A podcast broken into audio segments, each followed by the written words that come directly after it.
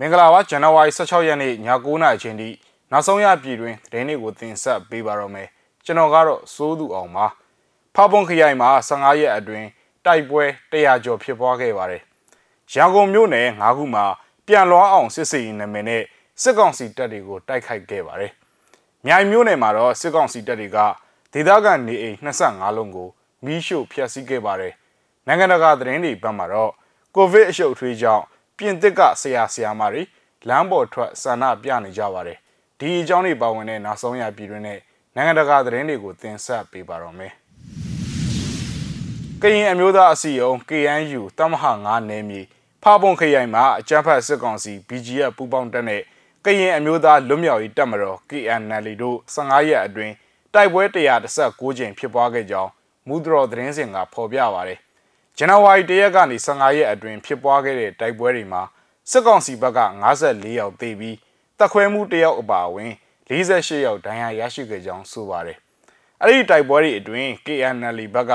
1ယောက်ကြာဆုံးပြီးတော့4ယောက်ဒဏ်ရာရရှိကြောင်းကိုလည်းမူဒရောသတင်းစင်ကရေးသားထားပါတယ်။ဒါအပြင်မှာအကြမ်းဖက်စစ်ကောင်စီတပ်ရဲ့စစ်ကား73စီးကိုဖျက်ဆီးနိုင်ခဲ့တယ်လို့လည်းဆိုပါတယ်။ဖာပုံခရိုင်ကမာမောင်မြို့ခွေးသေးရွာနဲ့22မိုင်ကြားဒေသနဲ့ လူသောဒေသတွေမှာလည်းဒေသခံတွေရှိရာဘက်ကိုစစ်ကောင်စီက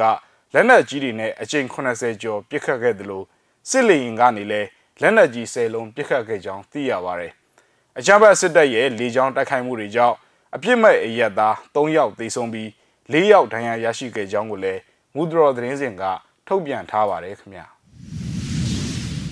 ရန်ကုန်မြို့မြို့နယ်9ခုမှာပြန်လွှားအောင်စစ်စင်ရေးနမည်နဲ့စစ်ကောင်စီတပ်တွေကိုတိုက်ခိုက်ခဲ့ပြီး သေဆုံးမှုနဲ့ထိခိုက်ဒဏ်ရာရရှိမှုတွေရှိခဲ့ကြောင်းရန်ကုန်တိုင်းစစ်ဒေသကိုကဲရေးအဖွဲ့ကဒီကနေ့ဇန်နဝါရီ16ရက်မှာသတင်းထုတ်ပြန်လိုက်ပါတယ်။အလုံမြို့နယ်၊သုံးခွမြို့နယ်၊တိုက်ကြီးမြို့နယ်၊သွန်သေးမြို့နယ်နဲ့ဒဂုံမြို့သစ်အရှေ့ပိုင်းမြို့နယ်တွေမှာပြန်လွှားအောင်စစ်စင်ရေးအဖြစ်ပြည်သူ့ကာကွယ်ရေးတပ် PDF တွေကတိုက်ခိုက်ခဲ့တာလည်းဖြစ်ပါတယ်။အလုံမြို့နယ်ထော်လီကွေးမှတ်တိုင်အနာအချမ်းဘတ်စစ်ကောင်စီရဲ့စီးပွားရေးတောက်တိုင်တစ်ခုဖြစ်တဲ့ထူး73စီအယောင်းဆိုင်ကို ဒီကနေ့မနက်၄နာရီမှာပြည်သူ့ကာကွယ်ရေးတပ်ဖွဲ့တစ်ခုဖြစ်တဲ့ STA တပ်ဖွဲ့ဝင်တွေကလက်ပစ်ဗုံးနှလုံးနဲ့ဖောက်ခွဲတိုက်ခိုက်ခဲ့ရာစိုင်တဆိုင်လုံးမီးလောင်ပျက်စီးခဲ့ရပါတယ်။သုံးခွာမြို့နယ်မှာလည်းအကြမ်းဖက်စစ်ကောင်စီတပ်တွေရှိရာမြို့နယ် EPC ရုံးကိုဇန်နဝါရီ14ရက်နေ့ညပိုင်းမှာပြည်သူ့ကာကွယ်ရေးတပ်ဖွဲ့တစ်ခုဖြစ်တဲ့ TYF အဖွဲ့တွေကအဝေးထိပ်မိုင်းနဲ့ဖောက်ခွဲတိုက်ခိုက်ခဲ့ပါတယ်။တိုက်ကြီးမြို့နယ်အင်္ဂလာရက်ကွက်ထိပ်မှာရှိတဲ့ ကင်းဘုံဝင်နေတဲ့အကြမ်းဖက်စစ်ကောင်စီတပ်သားတွေကိုလည်းဇန်နဝါရီ17ရက်နေ့ညပိုင်းမှာ PDF တွေကပြစ်ခတ်တိုက်ခိုက်ရာတက်ကြကြီးတယောက်နဲ့တပ်သားတစ်ယောက်တေဆုံးပြီး၄ယောက်ဒဏ်ရာရရှိခဲ့တယ်လို့ထုတ်ပြန်ချက်မှာပါရှိပါတယ်။တွန်တေးမြို့နယ်မှာလည်းထွေအုပ်ရုံးအနီးတပ်ဆွဲထားတဲ့အကြမ်းဖက်စစ်ကောင်စီတပ်ဖွဲ့ဝင်တွေကိုဇန်နဝါရီ10ရက်ကပြစ်ခတ်တိုက်ခိုက်ရာအပြန်အလှန်ပြစ်ခတ်မှုဖြစ်ပြီးစစ်ကောင်စီတပ်သားတချို့ထိခိုက်ဒဏ်ရာရရှိခဲ့ကြောင်းသိရပါတယ်။ ဒါအပြင်မှာဒဂုံမြို့သစ်အရှိပိုင်းမြို့နယ်မင်းရဲကျော်စွာလမ်း EBC ရုံးနာမှာကင်းပုံဝင်နေတဲ့အကြမ်းဖက်စစ်ကောင်စီတပ်သားတွေကိုဇန်နဝါရီ10ရက်နေ့ညပိုင်းမှာအဝေးထိန်ပိုင်းနှလုံးနဲ့ဖောက်ခွဲတိုက်ခိုက်ခဲ့ပါသေးတယ်။အကြမ်းဖက်စစ်ကောင်စီတပ်နဲ့လက်ပါစီတွေဟာ PDF ရဲဘော်တွေကိုထောင်ချောက်ဆင်ဖမ်းဆီးမှုတွေပြုလုပ်နေတာကြောင့်တော်လိုင်းအင်အားစုတွေရဲဘော်တွေအချင်းချင်းကြားမှာထင်ရောင်ထင်မှားတန်တရားဖြစ်စေတဲ့လှည့်ကွက်တွေကိုလည်းအထူးသတိပြုစင်ကျင်လောက်ကင်ကြဖို့ကို ရန်ကုန်တိုင်းစစ်တီတာကုကဲရေးအဖွဲ့ကသတိပေးထုတ်ပြန်ထားပါတယ်ခင်ဗျာ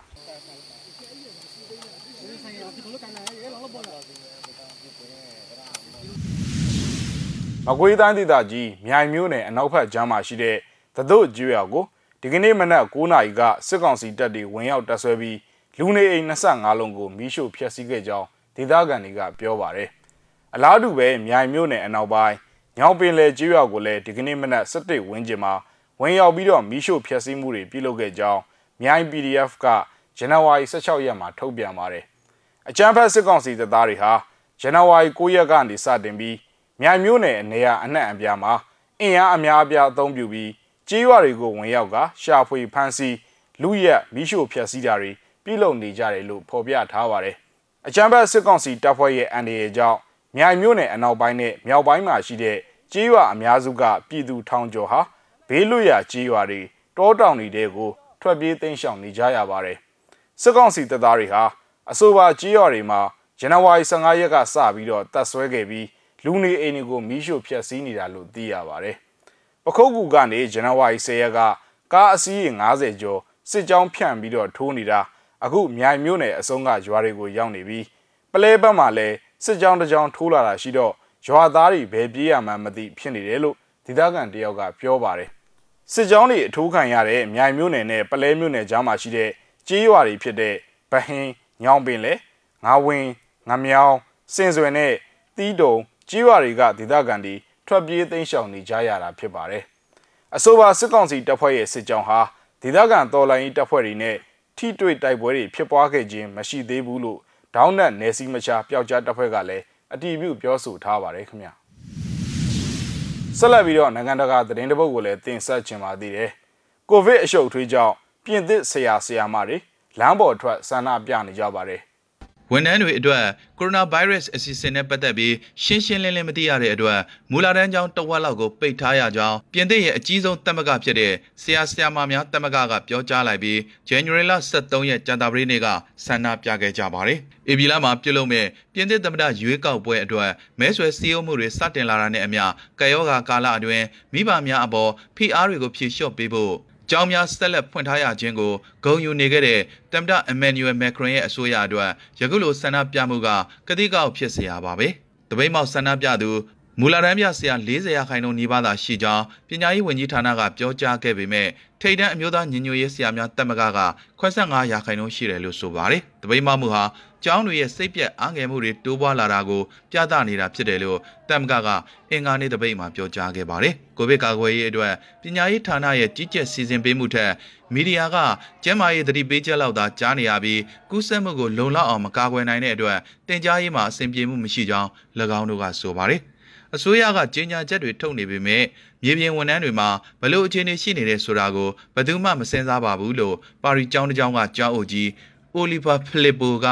AFP ကိုပြောပြပါတယ်။ကျောင်းသားများဖျားနာပြီးလူတွေအတန်းများနဲ့အဝေးတင်တင် जा မှုကိုပေါင်းဆက်ဖို့ခက်ခဲခြင်းကြောင့်ကျောင်းနဲ့မတူဘဲနေကလေးရင်းကျောင်းနဲ့တူနေတယ်လို့တမကားကဆိုပါတယ်မိဘတချို့ကလည်းအခုလိုဆရာဆရာမတွေလမ်းပေါ်ထွက်ဆန္ဒပြတာကိုထောက်ခံတယ်လို့ AFP ကိုပြောကြပါတယ်ဆရာတွေနဲ့သူတို့အနေထားကိုနားလည်ပါတယ်တင် जा ချိန်ကအရန်များနေတယ် လာစာကမလုံလောက်ဘူးဒါကြောင့်သူတို့ရဲ့အလုပ်ကအဆင်မပြေတော့ဘူးလို့ပါရီအရှိမြောက်ပိုင်းကကျောင်းတစ်ကျောင်းရဲ့ရှေ့မှာကျောင်းသားမိဘတို့ကဆိုပါတယ်သူတို့တောင်းဆိုတာကိုနားလည်ပါတယ်အဲ့ဒါတရားမျှတတယ်ငါတို့ကိုအနှောက်အယှက်ဖြစ်အောင်လုပ်နေတာမဟုတ်ဘူးလို့၎င်းကဆိုပါတယ်မြစီမရဲ့သတင်းအစီအစဉ်ကိုဒီမှာခဏရင်နာကြပါတယ်ကြည့်ရှုခဲ့ကြတဲ့မိဘပြည်သူတူးချင်းစီကိုကျေးဇူးအထူးပဲတင်ရှိပါတယ်ကျွန်တော်တို့သတင်းနဲ့အတူတူပြန်ဆောင်ကြပါဦးမယ်